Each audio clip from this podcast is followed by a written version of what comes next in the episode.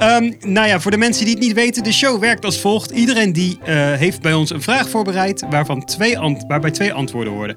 Nadat ik mijn vraag stel, Jezus Christus, kan dit opnieuw? Ja, ik, ik had eigenlijk gehoopt Ah, dat je dit na, na één seizoen op zich onder controle had. We maar, zitten er gewoon helemaal uit. Dat Ik vind Nou. het gewoon heel erg moeilijk om dingen voor te lezen. doe, doe dan nog maar een Help keer, hè? mij. De show werkt als volgt. Ieder van ons heeft een vraag voorbereid, waar twee antwoorden bij horen. Eerst krijgt bijvoorbeeld Marco anderhalf minuut om zijn antwoord te verdedigen. En daarna krijgt bijvoorbeeld Tijma anderhalf minuut om zijn antwoord te verdedigen. Daarna zou ik kiezen wat het beste antwoord is.